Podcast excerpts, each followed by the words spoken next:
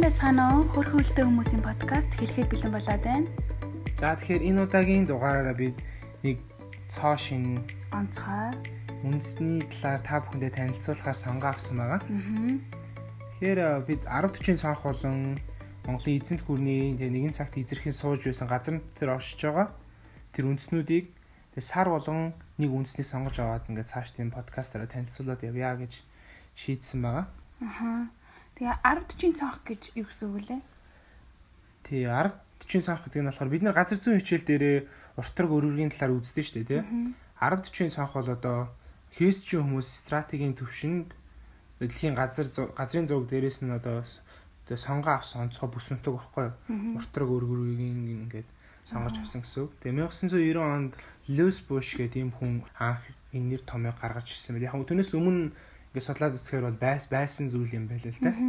Энэ яагаад энэ ингээд онцгой бүс ингээд юм бэ гэхээр дэлхийд ярих хамгийн ядуу тэгээ амьдралын нөхцөл хамгийн тааруу байдаг тийм улс үндэстэн хүмүүс яг энэ хэсэгт оршиж байдаг. Дээрэс нь сайн мэдээ буюу авралын зар хүрээгүй байгаа тэр одоо улс үндэстүүд энэ газар байдаг гэсэн үг л дээ. Тэгээ үүнд бол Аз, Африк болон Дундад Аз баг бүхэлдээ багтаж байгаа. Тэгэхээр дэлхийн хүн төрөлхтөн бас 3-ны 2 нь энэ бүс нутагт амьдардаг гэд бодохоор өөрөө тий ямар чухал гэдгийг нь илтгэж байгаа. Тэгээд үүн л болохоор нийт 54 улс багтд юм байна. Сонирхолтой нь бас Монгол улс энэ бүс нутагт багтдаггүй. Тэгээд яг Монголын ингээ шашин тий нийгмийг ингээ харах юм бол энэ бүлэгт ингээ тийм зайлшгүй багтах хэрэгтэй юм шиг боловч тий уртаг өргөргийнхөө бүсээс шалтгаалаад Монгол үүнд нэгдүгээр хамаараагүй. Тийм. Тийм би бол тэгж бодож байгаа. Тэгээд тэгтээ бас тий Монгол улс бол тий үүнээс гадуур байгаа. Эргээд энэ улс руу чиглэсэн илгээлт хийзийг бэлтгэж стратегийн төвшөнд те илгээх тийм хамгийн одоо ашигтай бүс нутаг байршилд байгаа ийм улс юм байна гэж бас харж байгаа. Тэгээд бас энэ 10 40 цахыг ингээд тодорхой танилцуулах юм бол маш сонирхолтой статистикуд бас гардаг юм л та. Яагаад тэгэхээр 10 40 цонхонд бол бидний мэдих бүхий л дэлхийн томоохон шашнууд үүссэн байгаа. Христийн шашин ч гэсэн өөр 10 40 цонх буюу одоо Израилаас гаралтай тий. Израилийн тэр Judaism, Hindu, Buddhism, лалын шашин гэх бүх энэ шашнууд энэ одоо 10 40 цонхноос гаралтай бөгөөд энэ дотроо хүчтэйгээр одоо юу гэдэг хэрэглэгдэж идэг гэх юм уу. Тийм аа. Тэгээд энэ дунд 54 ус гэж хэлжсэн 28 нь бол лалын шашинтай усуд байгаа. Тийм учраас авралын сайн мэдээ маш өндөр хойр хүрээгүй. 2% нь бол Хинду, 8 нь хоёр улс нь Хинду, 8 нь буддист гэдэг иймэрхүү статистикуудыг дурдж болж байгаа юм л да. Энэ удаа тэр онцгой улсаараа бит хоёр энэ 10 40 цаохонд багтдаг. 13 дугаар зууны үеийн Монголын эзэнт гүрний нутаг дэсгэр дээр байсан тэрний улсыг сонгож авсан байгаа. Аа. Энэ улс нь болохоор Бутан гэдэг улс байгаа. Тэг хаан засаглалтай. Тийм тэгээд аа яг Бутан гэдэг улсыг бол би өмнө мэддэггүй байсан. Өнгөрсөн жил яг илгээлтээр багийнхантайгаа явж явах үедээ энэ тэг Бутаны одоо хил дээр юм уу те хил заалгаа ямар хот вүлээ? Самчи гэдэг тийм хоттой ойролцоогоор яг энэтхэгт Бутаны залуучууд зөвлөсөн кампийг зохион байгуулсан тийм. Тийм 100 гачгаар оюутнууд оролцсон тийм камп болсон байгаа.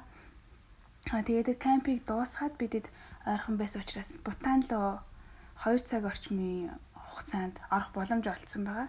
Тэгээд энэ нь болохоор зөвхөн монголчуудад боломжтой байсан байгаа. Яагаад тэгэхээр бутанчууд чинь яг монгол хүн шиг харагддаг. Тэгээд яг тэнд манай баг донд 3 монголчууд байсан учраас бид 3 жоохон хууль басаар бутан руу нэвтэрч орсон байгаа. Тий, тэгэхээр яг мэдээж хууль бусаар гэхээр бас гайхчихж магадгүй. Бид нэр ингээ нөгөө хятад руу ч юм уу орос руу хил давхаар Монголоос эхлээд паспортаа үзүүлээд гараад тэгээд тухайн улстай паспортаа шалгуулад ингээ нэвтэрдэг. Тэгэхдээ бутаа энэ итгэхийн хоорондох хил дээр болохоор арай өөрөөр үйлчлэлт юм байлээ. Тэгээд хүмүүс зүгээр ингээд ингээд яваад орчдөг. Тэг зүгээр л орчих. Орсныхон дараа албан ёсоор одоо нөгөө бүртгүүлэх хэсэгт очиж бүртгүүлээ тэгээ цааш нь ус руу ордог. Тэгэхээр нөгөө бүр амар юм цагдаж шалгадаг тийм зүйлс байхгүйсэн учраас ерхийн харагдах байдал нь ижлэхэн болохоор тийм ижлэхэн болох шууд оролцсон. Дагаад орчдөг хүмүүсийг тэг буцаад удаагүй гараал ирсэн л тээ. Тэг богино хугацаанд байсан учраас тэгээд хангалттай сайн одоо үзэж хараагүй. Тэгээд дээрэс нь яг байх хугацаанда залбирлын алхам хийж байгаа л гарч ирсэн баг. Тийм. Тэгээ Funchuling гэдэг тийм нэртэй хот байсан. Аа. Тэгээд бас миний хувьд бас 11 сард богино илгээлтэр Бутан руу яваад ирсэн байгаа. Бутанд нийт 7 хоногийн хугацаа бүтэн 7 хоногийг өнгөрүүлээд Бутаны нийслэл Тимпүү нэлээд том том хотуудаар нь очоод тэгээ гэр цуглаануудаар үйлчлээд ирсэн байгаа. Тэр талаараа бас энэ подкаст дээр ярилцсанаа, болцснаа. За яагаад ус үндэснийг танилцуулах хэсгийг подкастаа оруулж байгаа илаа илаа. Энэ бүхнийг. Тэгээ энэхэн сонирхолтой. Тийм зорилго нь болохоор мэдээж тэгээ зүгээр ус үндэснийг танилцуулдаг ийм танин мэдхэн подкастаас юугаараа ялгарх вэ гэдгийг бас сонсогчдоо бас ойлгомжтой болох нь чухал баг тийм. Тэгэхээр Матай 9 9:38 дээр тэ тиймээс ургацтай ажилчид явуулахыг ургацын эзнээс гуйцгаа гэсэн юмшлэл байдаг. Намайг дагалдах шилдэг сургууль сурж явах үед манай ангид шеринг гэдэг нэртэй нэг ихч байдаг ус одоо нэг нэлээд жарга гарсан. Тэгээ өглөө 9 цаг 38 минут болгонд ингээд сэрүүлгэн дуграа тэгээд ингээд voice тийм яг лекц үеэр voice of martyrs гэдэг аппликейшн дээр ингээд ямар уус үндэсний талаар залбирах хэрэгтэй ингээд ирдэг байсан. Тэгээ яг энэ ишлийн дагуу 9 9 цаг 38 минут нь болохоор Матай намын 9 38-ыг ингээд юу гэдэг цаг болгоод илүү практик болгоод тухайн улс үндэсний талаар залбирах цагийг гаргадаг байсан. Тэгээ 12 7 оны лекц зохиод өдөр болго өглөө болго яг ингээд лекцийн өндөр бидний зөксөөгөөд хамтдаа тухайн нэг бүс нутгийн талаараа залбирахыг одоо ятгадаг уриалдаг байсан. Тэгээ надад болохоор эхэндээ ингээд тэгээ залбирдаг сонирхолтой санагддаг байсан ч гэсэн ингээд явандаа юм жоо төвхтэй болж ирсэн байхгүй. Яг яг анхаар төвлөржингууд ингээд зөксөөгөөд ингээд гэхдээ Тэгээ энэ бүхэн хизээ надад утга учиртай санагдаж, чухал санагдаж ирсэн байх. Хамгийн анх удаага илгээлтэр хятад руу явсан. Тэгээд э, хятад байх үедээ тэгээд э, үнэхээр хүмүүс үнэхээр тэг авралын сайн мэдээ хүрх хэрэгтэй. Ямар ч ихтгэл найдваргүй тэгээ тийм хүмүүс олон байгааг олж ирсэн. Яс тэр үед болохоор би саяны энэ ишлэлийг бүтнээр нь ингээд уншихад энэ ишлэл ингээд амар орж байгаа юм шиг надад тэр үг санагдчихсан байхгүй. Тэгээд э, энд дээр юу гэсэн гэхээр Есүс нийт хот тосгодоор явж синагогуудад зааж хаанчлын сайн мэдээг тунхилж бүх төрлийн өвчин эмгэгийг инээж эдгэж байлаа. Хүмүүсийг хараад тэр өрөвдөж нь тэд хончингүй хонь мэд хаягдан туйлдсан байлаа. Тэгээд тэр шавнартаа хэлэхдээ ургац сариунж ажилчид цөөн байна. Тиймээс ургацтай ажилчид явуулахыг ургацын эснээс гуйцгаа. Гэсэн юм ишлэг би уншсан маа. Тэр үед болохоор ингээд нийт Есүс ингээ олон хот тосгодоор явсан гэж нэг хятадын нилээн олон хот тосгодоор яваад уйман өвчтөй хүмүүст үйлчлээд ингээ явж байхдаа тийм үнэхээр Есүс тэднийг хараад өрөвдөжсэн шиг надаас тийм өрөвдөх сэтгэл үнэхээр төржсэн. Энэ ишлэлийг уншиж байхдаа бас маш их сэтгэл хөдлөжсэн маа. Тэгээд үнэхээр ургац ариун боловч ажилчид цөөхөн байгаа маа. Тэгэхээр бүгдээрээ эхлээд залбирах хэрэгтэй байна. Тэгээ ургацын эзнээс ажилчдаа явуулахын төлөө залбирах хэрэгтэй байна гэсэн үүднээс одоо энэ подкаст дээр үндэснийг онцолж ярьж байгаа. Аа.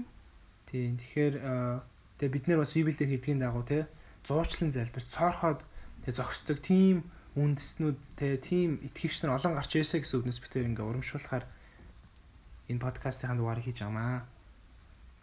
Тэгэхээр бид нар бас нэгэн цагт маш өргөн уудам газар нутгийг эзэлж байсан. Тэгэхээр Монгол чуулганы хараа бол тэ Монголын эзэнт гүрний тэд нэгэн цагт эзэлж исэн газар нутгад байгаа үндэстнүүдийг төлөө зайлбарах тийш илгээлтийн илгээх агуу захирамжийг гүйцэтгүүлэхэд бол тэ Монголын эзэнт гүрний алсын хараа маш том гэж бид нар хардаг тий. Тэгээ бид тэрээс саяхан Монголын залбирлын хөдөлгөөнд бас үйлчлэх боломж олцсон. Тий.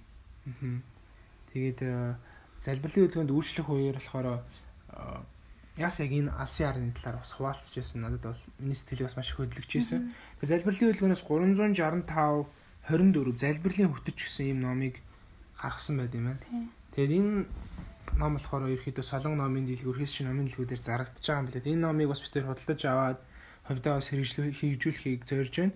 Тэгээд э, энэ номын 30 өдөр ингээд залбирах хуваар дээр ботаник ингээд нэг өдөрт нь оруулсан байгаа байхгүй. Тэгээд бас энэ номон дээр тухайн тэ Монголын эзэнт гүрний тэ эзэрхэн суужсэн тэр газар нутгт байгаа үндэснүүдийг тэ танилцуулаад хүмүүсийг залбирахыг бас урамшуулсан маа. Энэ бас битэрийн тэ подкастын санааг аягүй гой дэмжиж байгаа гэж харж байгаа байхгүй. Тэгээд 23 дахь өдөр дээр нь ботаник бичсэн байлаа. Аа. Тэгээд э, Ямар ч үсэн юм байна. Тэгэхээр олон зүйл нь оршлох байна ямар ч үсэн. Бүгд тэр ботаныхаа хоёул ботаныхаа танилцуулга руу орё тэхүү. За тийм. Ботан гэж ямар ус үлээ? Аа. Хаана байрладаг вүлээ? Аа за тэг ямарч байршлаас нэхлээ. Бутан болохоор байршлын үед яг Монголтой адилхан маш хоёр том гүрний хооронд ингээд сэндвичлэгдэж штэ ингээ оршдог. Тэгээд донд нь байрладаг гэсэн үг шүү дээ. Аа. Манай Монгол бол Орос, Хятад гэсэн хоёр том гүрний донд оршдог далаад гарцгүй орн бол Бутан, Хятад, Энэтхэг гэсэн хоёр дэлхийн хамгийн олон хүн амтай гүрний голд оршдог юм уусаа. Тэгээд бас хүн амын хувьд бол маш цөөхөн одоогоо одоо бол сая хүн ам саяд хүрээг байгаа. Дөнгөж 800 гэдлөө. 800 мянгаас ч гэсэн арай бага. Одоо оны 750 мянга орчим л гэж явдаг юм байна тий. Хүн ам нилээн бага. Тэгээд ерөөдөө засаг захааны явдал болохоор үндсэн хуульд хаансахалтай гэх юм уу? Тийм. Ер нь тий хаант улс байгаа. Тэгээ чи част дуурцсан. Тийм. Аа. Хаант улс гэдгээр надад аягүй сонирхолтой санагдаад байгаа юм л да. Харин тий. Чамд бас ингээд Тэгээ ингээ хамгийн анх удаа ингээд нэг ингээд хэсэгт нь ороход ямар мэдрэмж төржсэн бэ Бутан руу? Надад амар сонирхолтой санагдчихсан. Айгүй төстэй юмнууд их юу нэх вэ гэхээр одоо жишээ нь үндэсний ховцтэй тэр нь яг Монгол дээшиг тэгээд эрэгтэйчүүд өдөр тутамдаа дандаа нэг Монгол дээшиг одоо үндэсний ховцоо өмсөх нь надад их гой санагцсан. Өдөр тутамдаа өмсдөг шүү дээ тий. Тэгээ эрчүүд нь өвдөгнөөс жоохон доошоогоо аа тэгээд янз янзын өнгөтэй Тэгээ айхтар тийм хээ хоор болсон тийм юм бол байхгүй. Гэхдээ энгийн маягийн хэрнээсээ нэг цаанаас байгаа өөр. Тийм зах нь хүннүү захтай гэж хэлэн тээ. Тийм хүннүү захтай дээлтэй адилхан юм шиг тийм. Тэгээд эмгтээчүүд нь болохоор бас тийм Монгол дээл маягийн одоо юм цамц тэгсэнээс доогоор урт юп гэж би харсан. Тий.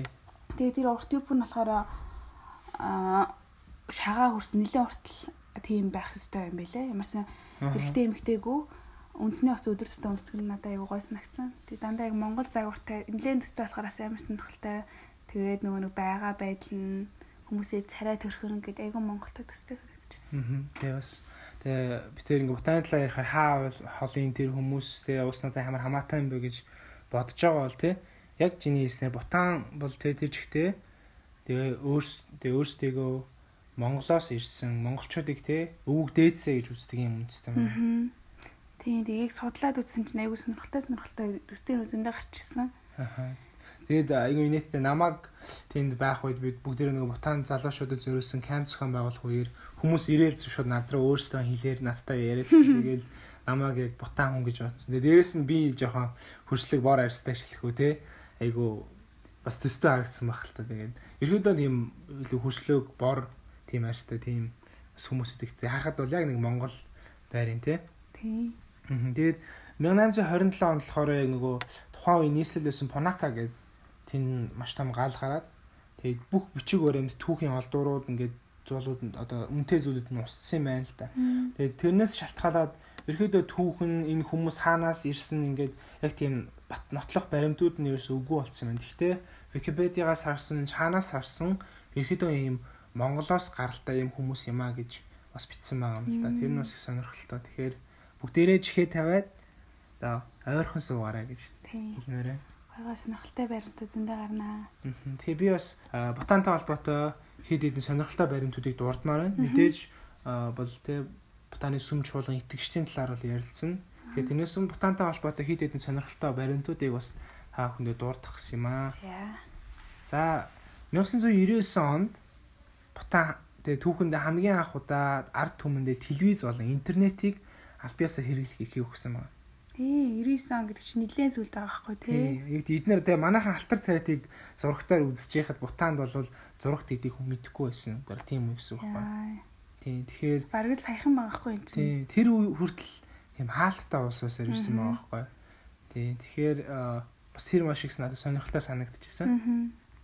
Тэгээ бутаан бас газар хөдлөлтийн идэвхтэй бүс байдаг учраас 6-аас өндөр давхрын тийм байшин тэр ус байдаггүй.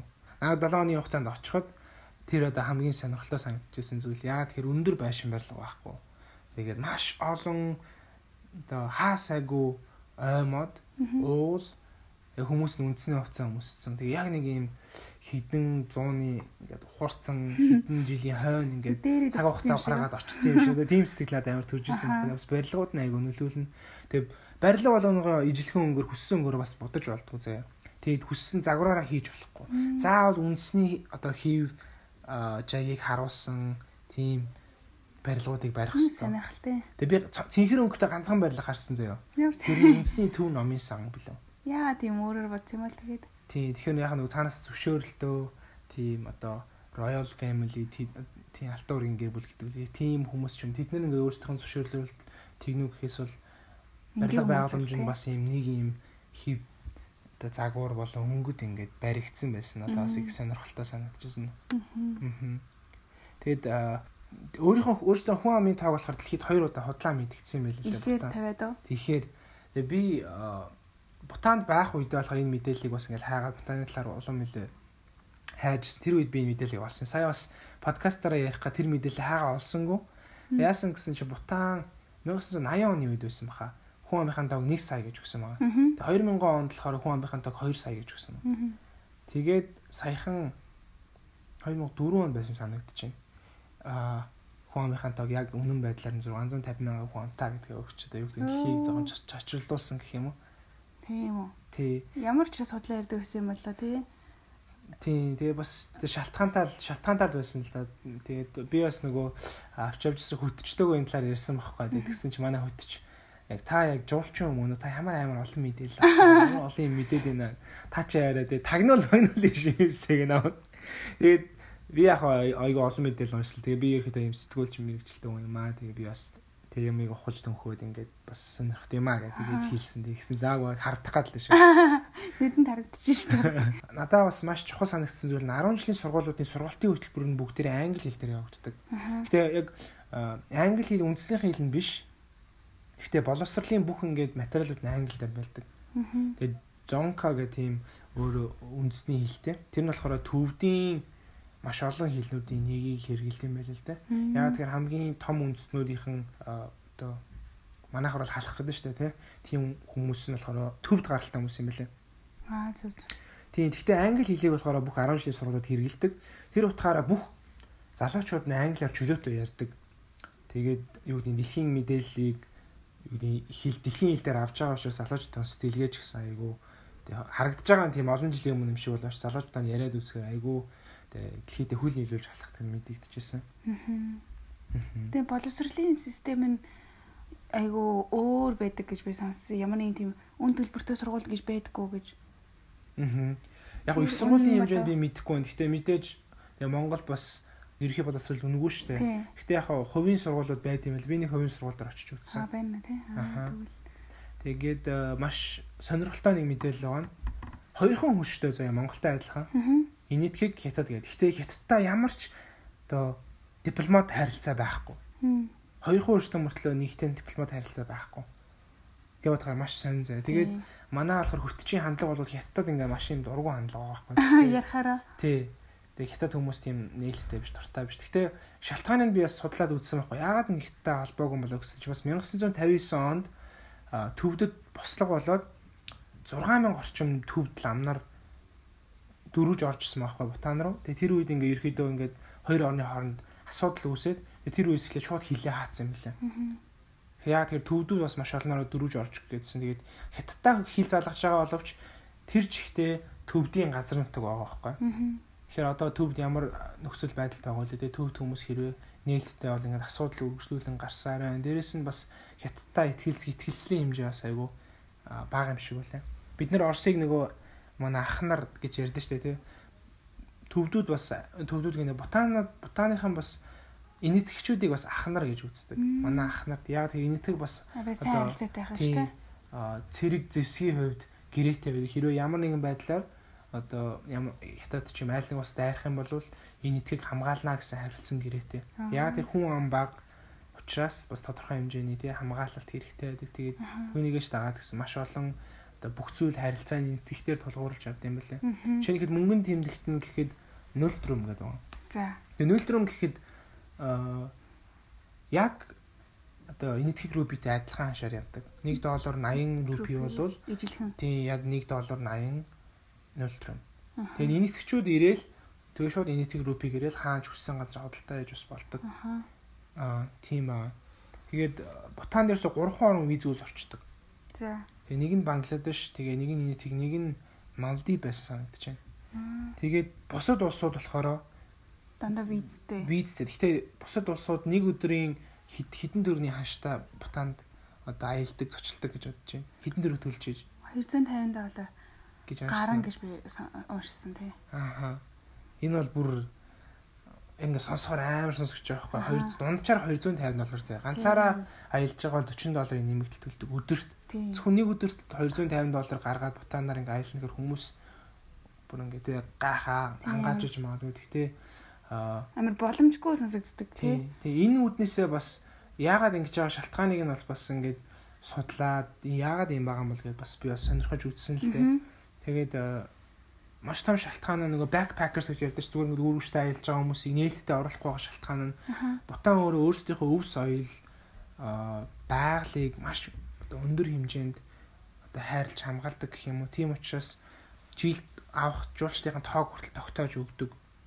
Илүү хитрхи их ярихгүй гэсэн үг Тийм, ерөөдөө бол нэг юу гэдэг олон жуулчд аваад бүр ингээд тийм байх Шаардлагагүй гэж шаардлагагүй гэж үз. Эрвээ эрвээ жуулчдаар ашиг олё гэж үзээд улсаа нээлттэй байх юм бол Бутан руу зочлохыг хүсдэг, аялахыг хүсдэг хүмүүс маш олон байт юм лээ. Тэгээ 250 доллар гэдээ бодохоор бас маш үнэтэй сонсогдож байгаа. Тэгээд би бас тэгээ 7 хоногийн хугацаанд ингээ орох боломж олцсон байна. Тэгээд өнгөрсөн жил 1 сар Бутан руу орж ингээд 2 цагийн хугацаанд орсон ч гэсэн албан бусаар орсон ч гэсэн Бутан залуучуудад зориулсан аа, кемпинг зохион байгуулсан тий. Түүний дараас л Бутан руу орохоор залбирчээсэн. Тэгээд баг бүрдүүлээд Бутан руу орсон байгаа. Тэгээд маш өндөр хэмжээний бас илгээлтийн санхүүг бас босголтон дээр бас урт хугацаанд ажилласан. Тэгээд орох боломж бол олцсон. Маш их талархалтай байгаа. Тэгээд бид нэр бас тэнд нэг итгэж залуу, пастор залуу аялын компани ажилладаг. Тэгээд бас бид нарт тодорхой хэмжээний хөнгөлөлт үзүүлээд тэгээд орсон байгаа. Аа Тэгэд яг нэг 250 доллар гэсэн сон үнэтэй сонсогдож байгаа боловч бас компаниас үнүүдээс шалтгаална да. Битэр одоо хоёулаа аяасан гэж үзэхэд өдөрт дунджаа нэг 160 тал орчим доллар нэг хүний зарцуулсан. Түүндээ зочд буудал өглөөний цай өдрийн хоол бүх зүйл багтаж байгаа. Жолооч, хөтөч ингээ тустай. Тэгээ ингээ орчхоор бас юу гэдэг энийгээ төлөөл орж байгаа бол тэр өдөр тэрнээс илүү төлбөр төлөх ямар ч шаардлагагүй болчихж байгаа байхгүй. Тий. Мэдээж Монгол хүмүүсийн хувьд бол 250 доллар бол маш өндөр тусна. Маш олон Европч болчтой байт юм лээ. Америкч болчтой бол бараг л таараагүй яа. Тэгэхээр Европт мэдээж евро ханш өндөр учраас бас харцсангуу гайгүй тусдаг байх л та. Гэтэ яг үннийхээ хэмжээ таарсан тэр үйлчлэгийг бас авч чаддсан юм лээ. Мгм. Тэгээ Монголоос бас Бутан руу хүмүүстэй аа, ясэсийг сайн мэдэхгүй байна. Гэхдээ аялахад бол ямар ч ийм хэмжээний үн төлбөр төлдөг учраас хүмүүс бол юу гэдэг тэр болгон Явах боломжгүй боломжгүй байдаг. Тэгээд дэлхий дээр хүний хөл тавигдаагүй хамгийн өндөр оргилууд Бутанд байт юм билээ. Тэгээд э, юу гэдэг тэр маш одоо онгон дагшин гэж үздэг учраас хүн амьдрах ингээ хоригдолцсон. Тийм тэгээд э, зөв сонирхолтой баримтуудаас л дурдж байгаа ш. тэ. Тэгээд нөгөө нэг ойг хамгаалах нөхөн сэргийлэх тийм төслүүдээр болохоор дэлхийд бол гайхагддаг юм билээ. Тэгээ нөгөө уснаас гаргаж авч байгаа эрчим хүч хүчээрээ ерөөдөө ихэнх одоо нөгөө дотоодын нийт бүтээгдэхүүнээ бүрдүүлдэг гэх юм уу? Ихэнх одоо тийм дотоод нийт бүтээгдэхүүн тэндээсээ бүрддэг энэ итгэрүү тэгээ цахилгаан эрчим хүч зардаг. Ямар сонирхолтой юм тий. Тийм. Тэгээ айгүй инээдтэй нөгөө төвдийн одоо будын шашин маш их нэвтэрсэн төвдийн соёл маш гүнзгий нэвтэрсэн улс учраас Монголтой нэг талаараа маш ойролцоо. Тэгэхээр төвдийн соёл бол Монголд өөр аль ч улсын аль ч үндэсний соёлоос илүү хүчтэй нөлөөсөн гэж би боддог байхгүй хувь та. Тэгээд э, чинь их заяа хааных нь нэр нь хин гэж Хин блэ? жигмэд гисэр намжил ванчиг. Мм. Ерөнхий сайд нь гэсэн чинь цэрэн давг заяа. Яг тэр нөгөө төвд нэрүүд эднэр бүгдээрээ тэгэнгүүт ингээ Монгол нэртэй адилхан сонсогдоод байгаа байхгүй. Ямар сони. Харин тийм. Тэгээд би бас нөгөө хааныхын талаараас тодорхой жоохон дурдмаар Айгу байгаа. залуухан амтай тий. Тий. Одоо байгаа нь л Тий, одоо 30 гарч байгаа хаа. наа зураг байгаа ш тий. Танаас ихэд бас манай найз бас хааныхын зургийг гэсэн Айгу нөгөө гой гэр бүл харагдсан. Одоо зургийг хараад оо ямар гоё. тийм бас дэлхий дээр нөгөө нэг гурван үеэрээ амьд байгаа юм уу? Гурван үеэрээ оршиж байгаа хаан амьд байгаа ийм цорын ганц ус гэж байгаа. Яагаад тэгэхээр одоо саяны ярьдаг манай манай Ванчик хааны Ванчик хааны аав бол амьд сэрүү. За. А өөрийнх нь хүүхэд нь бас одоо ханхүү байгаа гэсэн үг. Тэгэхээр бас айгүй Би өөрийнх нь аав тэгээд өвөө нь байхгүй. Тийм өөрийнхөө аав нь бол ерөөдөө бутаанда маш их хүндлэгдсэн, хайрлагдсан хүн юм билээ. Яагаад тэгэхээр 2007 онд за би Тэгээ хаан ширээгээ өгөөд энэ усыг хаан тасагтаа биш. Тэгээ энэ усыг тэгээ чөлөөт арчилсан засагтаа ийм ус босоос болоосоо гэж ус хүсэж байна. Арт хүм маань өөрсдөө усаа удирдах тийм хэмжээний тэгээ юу гэдэг юм байх ёстой. Тэгээ би юу гэдэг энэ бүхнээс ингээ хойш суугаад өөрийнхөө эрх мэдлийг ингээ татгалцахад бэлэн байна гэсэн ийм мэддэг талаас хийсэн юм байлаа. Тэгээ энийгээрээ бас ерөөхдөө хүмүүсийг амар одоо юу гэдэг шоконд авсан гэх юм уу. Тэгээд залуугаараа тий би бол хаан байх ёстой гэхийг орон тий миний хүү одоо хаан байх цаг нь болсон ингээд хүүдээ бас тий хаан ширээгээ өвлүүлсэн баг. Гэхдээ арт өмнө хаан хүсэл дээр арт өмнө болохоор өвгшүүл хаан засгалтай байхыг хүссэн. 2007 онд юу солигдсон бэ гэхээр тэг үндсэн хуульд хэмжээшгүй эрэгт хаанд ёстой байжгаад үндсэн хуульд хаант бас усан байгаа байхгүй. Тэгэхээр хуулийн зас захирагдана гэсэн үг үү? Тийм, хуулийн захирагдана гэсэн үг. Тэгээд аа сонгуул явагдаж, анхны сонгуулнаас явагдаж эхэлсэн байгаа байхгүй. Тэгээд адаа бас нөгөө инэтгэгт маш олон хаасаг ингээл маш их сигнал дарддаг. Тэгээд инэтхийн талаас орсон хаасаагүй сигнал чих өвдмөр. Тэгээд инэтгэхээс бутан руу орсон чи ямар сигнал байхгүй. Гэсэн чинь манай жолооч тэгж байхгүй. Энэ бутан дотор сигнал хэрэглэхийг хориглодгоо гэж байна. Аа тийм үү. Гэтэ илүү хотын төв дотор. Гэтэ шаардлагатай үед хэрэглэнэ. Шаардлагагүй тохиолдолд сигнал хэрэглэх юм бол хамгаалах гэж байна. Тийм дээрээс нөгөө инэтгээс илүү ялгарч байгаа нэг тийм. Онцлог юм байна гэж би ойлгосон байхгүй. Ямар гоё амар тайван байх болоо тий. Маш олон инэтгэхүүд ирдэг заяа. Жуулчдынхаа ихэнх хувь нь инэтгэхүүд яагаад тэр нөгөө визэг учраас инэтгэхүүд нөгөө жинхэнэ амар амгаланыг амар амгаланг мэдрэх гэж тийш очиж байгаа байхгүй. Тэгээ нөгөө бутанч өөрөө химлайн манайх бол гимлайн уулуудаар ингээд яг оршдог маш үзэгсэн тий. Амар тайван тийм uuсан. Тэгээд хаасайгуу нөгөө 1600 1500 оны үед баригдчихсэн сүм дууган хийдүүдээ яг тэр чигээр аюу яагаад үлдсэн хорогдох байр маяруудыг тэднийг музей болгоод ашигладаг. Тэрийг нь үзэх гэж амар олон хүмүүс очтой юм лээ. Аа. Ер нь архитектураараа аюу алдартай гэж яасан ярьдсан байл шүү дээ тий. Би яг нэг тийм мэдээл харсан тэгээд нэг Техасын Америкийн Техасын нэг сургуулийн билүү загварыг нь яг энэ бутаны загвараар хийсэн гэдэг чинь. Тэр амар сонирхолтой санагдчихсан надаас. Тэгээд газар нутгийн хэмжээгээр бол би бас судалгаа хийж үзлээ л да Монголдо хүмүүс яаж ойлгомжтой байх вэ гэдэг үгнээс 38 мянган метр квадрат гэх юм уу? Метр квадрат гэх. Тийм тэгж хэлдэг хаа тий. Тийм тэгээд тэгэхээр болохоор за манай Монголын хамгийн том аймаг бол Өмнө Говь аймаг байгаа тий. Өмнө Говь аймаг бол Бутанаас дөрөв гар үе том гэсэн үг байхгүй юу? Аха. Тэгэхээр Бутан тийм хэмжээний жижиг. Япон шиг ч юм уу? Японоос жижигхэн баха. Ер нь бол жижигхэн. Гэхдээ бас Монголд энэ хоёр их гүрний дунд үлдсэн шиг энэ жижигхэн улс үндэстэн цөөхөн хүн амтаа их хоёр их гүрний дунд ингээд оршин тогтнож байгааг хараас их сонирхолтой санагддаг. Тэр талаараа төстэй тий. Аха. Тэгээ би ингээд харьцуулсан чинь Дорногов аймагтай байлаа нэлээ ойролцоо байсан. Тийм. Ер нь бол жижиг юм хүн амтаа байгаа. За тэгээд одоо ингээд ерхий ингээд танилцуулга одоо сонирхолтой фактуудаа дуртаад дуусчлаа. Одоо тэгэхээр сүм чуулган итгэгчдийн хувьд ямар байна? Тэгээ сүнслэг байдлын хувьд Бутан гэдэг улс юу ямар улс юм бэ гэдгийг бас хуваалцмаар байна. Тэгэхээр би бас мэдээлэлүүдээ зөвхөн Википедиа дээр тулгуурлаж биш бас өөр вебсайтуудаас харахыг маш хичээлээ. Тэгээ Joshua Project гэдээ байд. Joshua Project дээр болохоор бүх бас үндэснүүдийг ингээд сүнслэг байдлын ч юм уу хідөө хідэн итгэгчнэр байдаг сүм чуулганы тоолрыг багтаасан байдаг. Тэгээд бас бас тодорхой мэдээлэл байсангүй би тэгээд бас вебсайтууд ухаж харлаа. Тэгээд Википедиа ч юм уу вебсайтуудаар 75% нь буддист гэсэн тийм статистикуд байгаа. Гэтэ 86% нас буддист гэсэн статистикийг Joshua Project гэсэн. Гэтэ би үүнийг нь илүү их одоо боломжтой болов гэж бодож байна л да. Тэгээд ер нь дийлийнх нь Уустын шашинтай гэж үздэг. Тийм, ерөөдөө өөрсдөө буддын манайч нэг хуучин шашин төрийг хослон баригч гэдэгтэй ерөөдөө адилхан. Яг л төвдийн шашин одоо болтол шарын шашин маш их хүчтэй байгаа. Тэгээд хиндու шашин хуулиараа хиндүү шашин буддын шашин ойл зөвшөөрөгдсөн. Хиндүү шашинтай хүмүүс 22% гэж үздэг юм байна. Тэгээд 75 нь хэрэв буддист гэх юм бол хиндүү шашинтай хүн 23%. Тэгээд христийн шашинтай хүн ерөөхдөө 1% ч хүрэхгүй ийм цөөхөн байдаг. Тэгээд хуулиараа бас одоо манайч ч юм бол энэ тийм ингээл одоо сүмүүд байна шүү дээ тий. За галмаа боссон сүмүүд энэ хуулиараа бол Бутанд нэг одоо христийн сүм чуулган байхыг барьж байгуулахыг бол зөвшөөрөөгүй тийм ээ. Тэгэхээр одоо болохоор явагдаж байгаа сүм чуулганд бүгд хууль бусаар үйл ажиллагаа явуулж гэж ойлгож байна л да. Нууцаар тэгээд гэртээ ч юм уу тий. Тэгээд а нийт итгэгчдийн тоог Бутанд 3000-аас 6000 орчим итгэгч байдаг гэж үздэг юм байна. Тэгэхээр энэ бол ерөөдөө нэг хувьч хүрэхгүй байна л гэж үзэж байна. Энэ яг нөгөө тоон тодорхой биш яа. Тэгэхээр албан ёсны сүм чуулган байхгүй учраас салцсан гэсэн үг. тийм нөгөө тоо явуулахад айгу хүндрэлтэй гэсэн үг л дээ. 100 орчим сүм чуулган бас байдаг гэж үздэг юм байна л да. Аа. Итгэгч хүмүүсийн олонх нь баг бүгдээрээ шахах нөгөө Непал хэлтэй юм үндэстэн байдаг. Жишээ нэг чи санаж байгаа шүү дээ. Бид нэр нөгөө залуучуудын конференцийг нэтгэх зохион байгуулахад дан баг 100% Бутанаас залуучууд ирж оролцсон мөртлөө Непал хэл дээр явагдсан байхгүй. Тэгэхээр би бас тэр үед юм сони юм гайхажсэн. Тэгээд гисэн чинь яасан бэ гэсэн чинь одоо Непалийн тэр нэрлэг болохоор Лочшампа гэдэг Лочшампа гэдэг юм үндэстэн байгаа хгүй Непал Непалийн элтэй үндэстэн эдгээр болохоор ерөөдөө 1600 оноос эхлээ Бутанд цагаачилж ирсэн.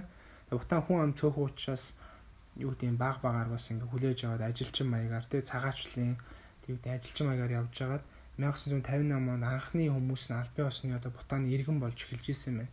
Одоо болохоор 28% нь Хүн амын 28% нь бол Непал хэлтэй. Одоо энэ Лошма гэдэг үндэстэн гэж үздэг юм байна л да. Тэгэхээр одоо 6 хүн тутмын нэг нь энэ үндэстэн байдаг гэж ойлгож болно гэсэн. Тэгэд энэ хүмүүс энэ хүмүүс дотор л одоо миний бодлоор яг гаргасан тодорхой статистик байхгүй ч гэсэн энэ хүмүүс дотор нийт итгэгчдийн бараг 95 90% орчим байгаа байхгүй. Тийм тэгээд миний очсон сүмүүд болохоор бүгдээ Непал хэл дээр бас явагдчихсан сүмүүд Непал үндэстэй энэ хүмүүс байсан байгаа тодорхой хэмжээний сүм чуулган нууцаар үйл ажиллагаа явуулж байгаа. Тэрнийхээ хэмжээнд дагаад пастор ахлагч нар нийгмийн даатгал ч юм уу эсвэл тий ингээ албан ёсны зүйл байхгүй гэдгээр дагаад маш олон асуудал бас үүсдэг юм байлээ лээ. Тэгээд айгүй олон Непал залуучууд итгэж байгаа. Тэгээд яг энэ нөгөө энэ дөрвөн юм үндсэн үндэстэнд хувааж байгаа юм. Тэгэхээр ямар ямар үндэстэнд хувааж байгаа гэхээр а Инголап, Шорчап, Тэгээ сая хэлдэг тэр Лочомпа нөгөөдөл нь болохоор илүү уугуул хүмүүс гэж байгаа. Ийм дөрвөн хэсэгт хувааж байгаа. Нийт болохоор 76 ингээд үндэс нөт үндэсний ястан байдаг гэж үздэг юм байна л да. Аа. Тэгэхээр бүр замбрааг болон байгаа шүү дээ. Маш олон ба шүү дээ. Тийм. Гэхдээ тэд нар ингээ маш цөөхөн цөөхөн хитгэн хитгэн нэрээ. Тийм. Жишээлхэд одоо энэ саний нөө Непал хүмүүс гэл дотор Лимпу, Лапча гэл амар олон хаваад юм лээ. Тийм. Тэгээд манай Ози маань сая 11 сард өнгөрсөн 11 сард богино хугацаагаар илгэлт хийгээд ирсэн маа шүү дээ Бутан руу. Тэгэд яг илгэлтийн тухай санаачнаас сонирхолтой гэж бодож байна. Тэгэлгүй яг Аваа Discovery Bay-ийн тэг удирдлагын банк гишүүн Bones гэдэг итгэлийн наав шиг энэ хүн тэг Бутан руу орохоор бас олон жилийн турш залбирч ирсэн. Тэгээд сая хуваалцсан энэ 2 сард очсон конференсыг зохион байгуулсны дараа ингээд бас надад бас ч гэсэн эзэн зүрх сэтгэл өгсөн. Тэгээ бид хоёр хамтдаа орохоор шийдээд залбирсан мөн. Тэгээ хугацааны бас ингээд тодорхой байгаа. Яагаад гэвэл маш өндөр хэмжээний санхүүг босгох шаардлагатай байсан. Тэгээд 11 сард явах боломжтой болсон байна. Монголоос 11 сарын 1-ний өдөр гараад Хонконгоор дараад Хонконгод 2 хоноод Хонконг бас нөгөө бослохын үе таарсан. Хонконгод 2 хоноод Хонконгоос шууд нислэгээр уг нь Багдог руу нисэх байсан. Тэгсэн чинь нислэг цуслагдаад тэр өглөөнөө бид тэр Бенгалуру гэдэг энэ тхийн төв хэсэгт очиод тэндээ нэг хоног алдаад тэнд хоноод маргааш өглөө нь Багдад ороод очиод тэгээд э, Багдад оргоос тийшээ Сиким, Даржэлэн гэдэг нийтхийн баруун хойд хэсгийн бас Непал хэлтэй. Тэр үндэснүүдтэй залуучуудтай очиж уулзсан байгаа. Тэгээд бас миний найз Андрес гэдэг ахтайгаа бас уулзсан. Сикимд бас итгэж залуучуудтай уулзч тэднийг урамшуулсан. Эргээд Даржэлэнд бас Бутан хоёр залуу та алдаршилтын сургууль сурж исэн тэр хоёр залуучуудыг бас Даржээлэнд очиж урамшуулад хамтдаа залбираад тэн цагийг гаргаад 11 сарын 7-нд яг хил дээр Жайгон гэдэг хотод очиод нэг консумаа тэр хотод өмнө хамтдаа бас номер төр очиж исэн. Тэнд бас асрамжийн газар тэр асрамжийн газар очиж хүүхдүүдтэй цагийг өнгөрүүлээд библийн сургууль дээр онсон.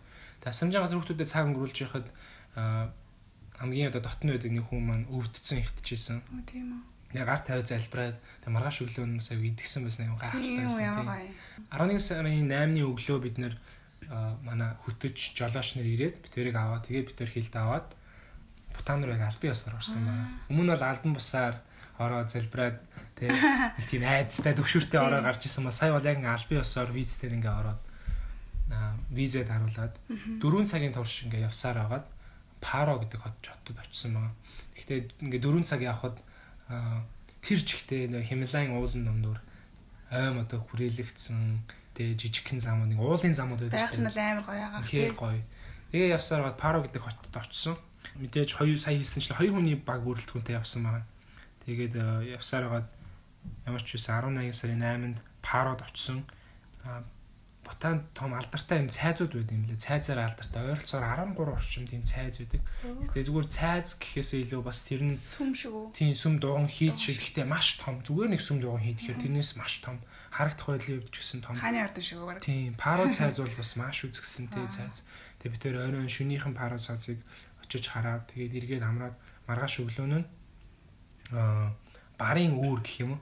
Тэгж нэр орчуулах юм уу? Tiger Nest гэх тийм газар байдаг. Энэ бол Tiger Nest болохоор яг аялагчдын хувьд очиж үзхийг хүсдэг одоо хамгийн одоо гол цэг гэх юм уу? Тийм. Тэгээ бит хоёр бас нөгөө хэдий ингээд хүлчлэлээр явж байгаа илгээлт ч гэсэн хаалттай ус ороо учраас бит хоёр бас тэгээ аялагч нар шиг харагдах хэрэгтэй байсан. Манай хөтөч жолооч хоёр хоёулаа итгэгч биш. Гэхдээ энэ аялын компани захирал нь итгэгч юм пастор залуу байсан байхгүй. Тэгээ чи тань штэ тий. Паркаш тий. Тэгээд аа өглөө Tiger Nest руу авирсан нийт тийшээ гараад бууж ирэх хугацаа 5 цаг байсан. Тэгээ энэ ямар очтой хийдвэ гэхээр энэ болохоор энэ саний ярддаг цайз. Тийм тийшээ уул руу алхаж байгаа байхгүй. Бүр 8 дугаар зууны үед хамгийн анх нэг лам тэр уулан дээр очиж одоо мөргөл үлдчихсэн мэлээ нэг хувраг. Тэгээ тэрнээс ахуулаад маш олон үеийн лам нар ойр орхоо очоод тэрийг ингээд ариун тогшин газар гэж үзээ.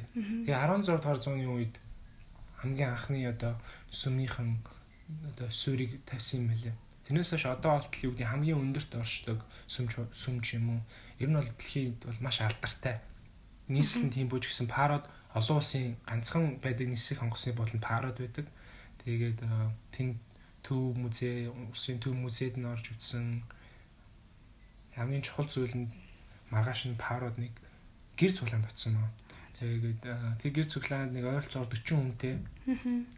Бонс хамаа нүг хуваалцаад тэгээд залуучууд те итгэгчнэр ингээд үнэхээр анхааралтай сонсож байгаа харагдаж байна. Яагаад тэгэхээр тэг маш өндөр үнийг төлж авах шаардлагатай болдог учраас тэр болгон пастор мишнерүүд тийш ороодох боломж олддог. Тэгээ тэр болгон хүмүүс ирж зочилж хичээл заадаг учраас хүмүүст гэдэг нэг шин зүйл сонсох маш сонирхолтой байсан баг. Тэгээд үг хуваалцаад бид хоёр бас залуучуудаа тодорхой хэмжээний цаг өнгөрүүлээд тэгээд буцсан. Парод нийт 3 хоног болсон маа. Тэгээ явсаа бид хоёр явж ирсэн маргааш нь Кимпуд очсон. Тэгээд очсон зорилго бол мэдээж нутгийн чуулган залуучуудад зориулж конференц хийх байсан. Тэгээд нийслэлд очсон, нийслэлд үзэх ёстой, аялагчтай үзэх ёстой зүйлсүүдийг үзээд тэгээд яг бүтэн сайн өдөр таарсан. Тэгээд бүтэн сайнны цуглаанд нь очоод залуучуудтай хамт эзнийг магтаад тэгээд онс фоноос сүм дээр нь бүтэн сайнны сургаалыг заагаад тэрний дараа залуучууд өглөө залуучдын цуглаан гэж хийдэм билээ. Тэгээд тэрэн дээр нь би бас нэг цаг 30 минут орчим залуучуудыг бас эзний үгээр урамшуулад хуваалцаад маш гоё цаг өнгөрүүлсэн. Тэгээ нэг дэх өдөр нь нөгөө өмнөх хааныхын төрсөн өдөр тараад бүх нийтийн амралт таарсан. А тийм үү. Одоо байгаа хааных нь аавна гэсэн үг тийм. Тийм учраас бас залуучууд бөөнөрөө цуглах боломж олдсон. Тэгээ залуучуудын конференцийг нэг 38 залуучууд цугласан байсан. Тэгээд өглөө 9-өөс өдрийн 4 өнгөртөл өдөр нундаа хоолтой ийм конференц бас зохион байгуулад битээр ээлжилж үг хуваалцаад мэдээж би бол ингээ юу гэдэг ингээл амар пастор үг хуваалцаад тэг явах юм биш ч гэсэн ингээд юм боломж олдож байгаа айгу баяртай байсан. Тэгээд намайг Монголоос ирсэн гэхээр ялангуяа хүмүүс маш их чих тавьж анхаарч сонсч байсан. Яг тэр нэг Монголыг өөрсдийнхөө тий үздэг. Үг дэцгэж үздэг. Өөрсдийнхөө гарал ухсааг бас Монгол руу чиглүүлдэг учраас бас тийм байсан баг. Яаж ч гэсэн тийм өөр жижиг хэмжээтэй тийм гэр сүмд болохоор бас Тэг маргааш нь 2 дахь өдөр нь очсон. Тэг 12 3 хүнтэй хүүхдүүд байсан. Тэнд бас би бас үг хуваалцаад тэгээд тэгэхээр тэгчтэйг нь юу гэдэг ямар их анхаарал тавьж бас сонсож байгааг ингээд харах маш таатай байсан. Бас өмнөх өдөр залуучуудыг ингээд үг хуваалцаж байхад залуучууд ингээд те бидний нүднээс нь ингээд өөрчлөлт харагдаж байгаа байхгүй. Тэг гээл цацраал ангад сангасан ийм итгэгч нар маш олон байгааг харах юм сайхан байсан. Тэгээд Ингээ ерөөдөө 7 хоногийн хугацаанд байсан. Яг тэр үнэтэй учраас урт хугацаанд мэдээж байж чадахгүй. Тэгээ 7 хоногийн хугацаанд байхдаа төгсгөл нь хамгийн сүүлд утсан газар Понака гэдэг газар байсан. Тэгээ Понака гэдэг цайз нь болохоор тэндээ хамгийн томоос хоёрт ордог цайз гинэ. Тэгээ өмнө нь болохоор 1959 оны хүртэл үлээ 60 оны хүртэл нөгөө удирдлага нь тэнд байсан юм байна. Бүх одоо засгийн газар удирдлага нь тэр цайзад байралтай байсан хааны ордон байсан. Тэр нь миний утсан хамгийн гоё цайз байсан. Дотор нь орсон үзэл иргэн тойрны яваад гар хийсэн. Үнэхээр гайхамшигтай. Тэгээ архитектурын хувьд бол үнэхээр алдартай. Үнэхээр алдартай, үнэхээр гайхалтай. Тэгээ буцхаас өмнө Simple Bhutan гэдэг тийм музейд очсон. Тэр музейд очиод надад бас Бутаны талаас ойлгох надад бас аягүй тусалсан. Ягаад тэгэхээр Бутан хүмүүсийн энгийн амьдрал, хоол хэрэглэл, сав, суулгаас ахуулаад бүх зүйлс ингээд харуулж байгаа бутанчуудын спорт гэл бас нөгөө үндэсний спорт нь юу юм бэлээ? Ном сум. Ном сум юм лээ. Навагс Монголоос ирсэн. За Монголоос ирсэн Чингис хааны удам ном сумаар яаж харуулдаг харуулаач гэх. Тийм харсан юм уу? Харсан. Тэгээ би эхнийхээгээ алдсан. Хоёр дахь бас яг бараг л онсон. Бараг л бухын нүдэн гэдэг шиг онсон. Тэгээл өө гэж бүгдээрээ бас уухал аюу гоё байсан. Тэгээ тэнд очиод ингээд Бутаны ингээ энгийн амьдралуудыг харж байгаа байхгүй. Тэр донд бас Бутаны ингээ нэг буддын шарын шашин ингээд гүн нэвтсэн учраас ингээ бас холбогдлолтой зүйлүүд гүнзгий байгаа. Аа. Тэр дундаас нэг зүйл намайг гайхшралт төрүүлсэн. Хамгийн анх удаа нөгөө нэг ботанд ч нэг юм эрэгтэй үний тэг юу гэдэг эрэгтнийг ингээд дахин шүтдэг зэ. Тэр ингээ бүр хаасаг ингээ нэг юм ингээ босгоо тавьсан зэ. Гэсэн ингээ тэр жигт нийлэхүүд нь тэгэл тий тэрийг бас ингээ хараад аягүй сонирхолтой санагдаад. Гэсэн чи ямар учиртай гэсэн чинь нөгөө тийм илбэг дэлбэг баян тансаг байдлыг илэрхийлдэг. Дэлбэг дэлбэг баян тансаг баймаар байвал одоо юу гэдэг тийм зүйлд мөрөгдөг ч юм аягүй сонир. Тэгэхээр хиймэл шүтээ юм бол маш олон энэ усад. Нэгсэндээ хиймэлштэй юм шүү дээ. Тийм. Тэгээд бүр ийм зүйл ингээ зардаг ийм зөвхөн ийм зүйлс зардаг юм сүмнэрийн ийм болсон зэ. Гэсэн чи дэлгүүр болох үүдэнд ингээ амар томыг ингээ зураа зураа тавьчихсан зэ. Тэгээд ер нь бол аягүй харахад аягүй аягүй аягүй. Тэгээд төрхөөрийн оосор масар сахлаад яг ийм тий эрэгтэй хүний тий юу тий бэлэг ихтэй ингээ байж байгаа байхгүй аягүй аягүй. Яа. Тийм. Тэгээ ямар ч байсан ийм зүйлс ингээд болсон нэг нөгөө батан хүмүүсийг таньж мэдээд танилцаад байхнад бол маш гоё байсан. Оройн цагаар бас залуучууд маш их хүлэн мөг тоглолт юм лээ. Ягаар ч бас залуучуудтай хүлэн мөг тоглоо танилцаа. Өнгө сакс тоглолтос сонирхтой гэсэн. Гэхдээ би ерөөсөө саксыг тоглох боломж надад авалдаа. Тэгээ ерөнхийдөө залуучтай хүлэн мөг тоглосон, юугаа нөхөрлсөн. Тэгээ намаагс Монголоос ирсэн гэхээр аюугаа дотн хүлээж авч ирсэн. Тэгээс ямар ч гэсэн ботан нөхөрсөн 7 хоног бол миний хувьд тэгэхээр гайхалтай байсан. Тэгээ боломж олдоод эзэн дуудвал бас бас гэр бүлэрээ тийш урт хугацааны илгээгтийг бас байг гэхгүй тийм. Би сураад үзмээр. Өөрчлөлт ирвэл бас. Үндэсний нийт бүтээгдэхүүн гэж үздэг штэ. Үндэсний нийт бүтээгдэхүүн тэд эд тэгэл дэлхийд гардаг. Бутаанд болохоор үндэсний нийт Аз жаргалыг тооцож үздэг гинэ. Тэгээ сургуулийн нэг юм сайн дээр нь юу гэж байсан бэхээр би бидэнд үндэсний нийт бүтээгдэхүүнээс илүү үндэсний нийт аз жаргал илүү чухал юм аа гэж хэлсэн байхгүй. Тэгээд өөрсдөө ерөөхдөө тэгээд аз жаргал болвол газар юм аа бид бол аз жаргалын орон юм аа гэж ерөөхдөө ингээд зарладаг ч юм уу. Тэрийг 2015 оноос гэсэн илүү үндэсний нийт аз жаргал гэдэг тэрийг ингээд тодорхой хэмжээгээр тооцож хэлсэн юм байл л дээ. Ингээ хүмүүс үнэхээр аз жаргалтай байна уу гэдэг асуулт надад ингээд бас төрж исэн. Тэгээд харах юм бол маш олон тэг ихтгэл найдваргүй Тэгээ юу ихээ мэдэхгүй хүмүүс ингэ гудамжинд байж байгааг харж байсан. Мэдээж гудамжинд гуйлга гуйж байгаа хүн би бол хараагүй. Хараагүй. Аа тэгтээ нөгөө аз жаргалын индекс гэж нээс хэлсэн чинь болохоор яг тусдаа гаргадаг индекс ахгүй дэлхийд дээр явагддаг. Аз жаргалын индексээр болохоор 2018 он Бутан нийт 156 усаас 97 ч гисэн байна. Тэгээ 97 тэгэхээр нэлээд хойшоо байхгүй. Тийм тэгэхээр 50 ус хойшоо ямарч байсан. Тэгэхээр яг өөрсдөө аз жаргалтай ус гэж байгаа боловч хүмүүс нь бас дотроо биеийн талаар ярилцаж үзсэн итгэж нэртэй. Тэгээ бид нар бас бас яг тийм үнтэй бас санал нийлэхгүй. Бид нар мэдээж аз жаргалтай бас усхийг болохыг хичээж байгаа. Гэхдээ тэрэнд бол хүрэхэд бол бас болоогүй гэдэг талаар ярилцчихсан л та. Ямар ч байсан өнгөрүүлсэн 7 хоног маань юм байла. Эргээд ирсэн замаараа бид нар битээр буцаад Гүнжилэн рүү яваад тэндээ нэг хоноод тэгээд хилээр гараад эргээд Хонконгоор тэгээд Монголд ирсэн маа. Аа. Аа минийс нэг сонсныг сонирхолтой юм болохоор яг Бутаны хааны удамд нэг итгэгч эмгтэй идэг гэж сонссон. Тэр үнэн юм болоо? Тийм нам бид хоёроос тэнд байх үед хүмүүсээс асуусан тэгээд гүнжнэрийнх нь нэг нь саяхан христчин болсноо бас зарлсан байлээ. Тэгээд юу гэдэг нь сошин төрийг хослон барьж гэдэг шиг тийм ус учраас хааны зүгээс бол тийм баяртай бол хүлээж аваагүй юм шиг үлээ. Аа тэгтээ бол бүр хийсэн шашин юм огт юм хаалттай биш учраас бас болохгүй ч юм уу хоригсон тийм зүйл байгаагүй юм шүү лээ. Тэгээд өөрөө бас нөгөө олон их нэртэй их нэртэй байхыг зөвшөөрдөг, хуулиараа зөвшөөрдөг тийм Улс шүү дээ тий. Тийм. Тэгээд өмнөх хаан болохоор нэг ихчдүү дүрийг авч суусан билээ. Тийм.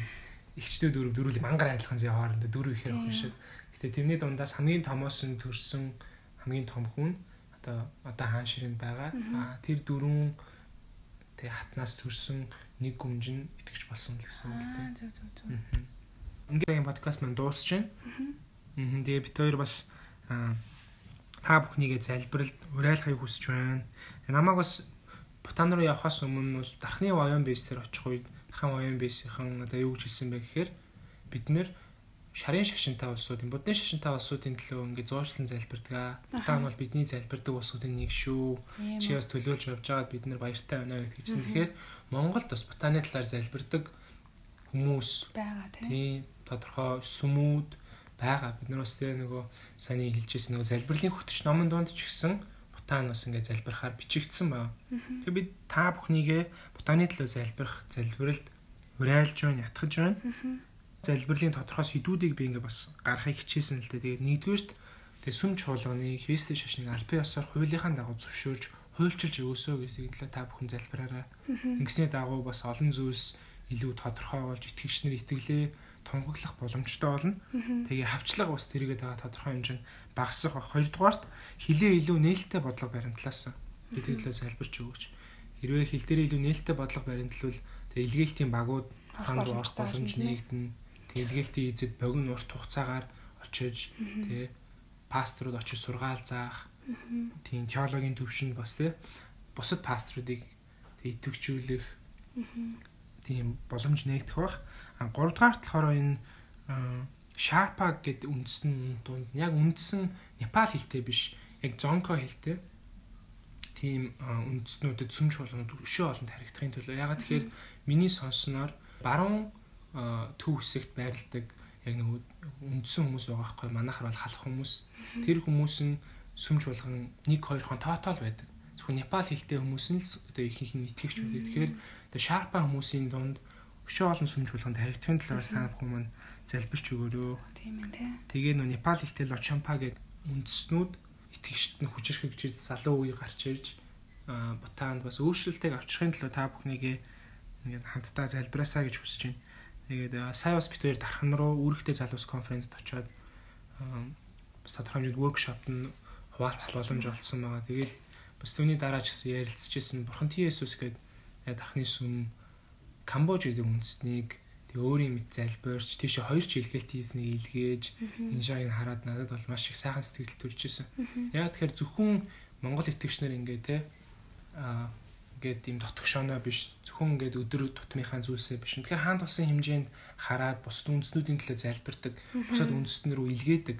Тийм үндэстэн байгаасаа гэж хүсэж байна. Бид нар хангалттай дээрэмдэж хангалттай бусад хүмүүсээс авч болсон. Одоо бид нэр тэгээ бусад үндэснийг өрөөх бас үндэсний төлөө залбирах тийш илгээлтийн эздийг илгээх тэр цаг нь бол болсон гэж харж байна. Тэгээд подкастын төгсгөлд бас Матай 9:38-ын дагуу тий урагцтай ажилчид явуулахыг урагц эзнээс асуу гэсэн нэшлийн дагуу та бүхнийгээ өглөө болгон сэрүүлгээ 9:38 тавиад бутааны төлөө бас өөр таны зүрх сэтгэлд байгаа үндэсний төлөө залбираасаа гэж хүсэж байна.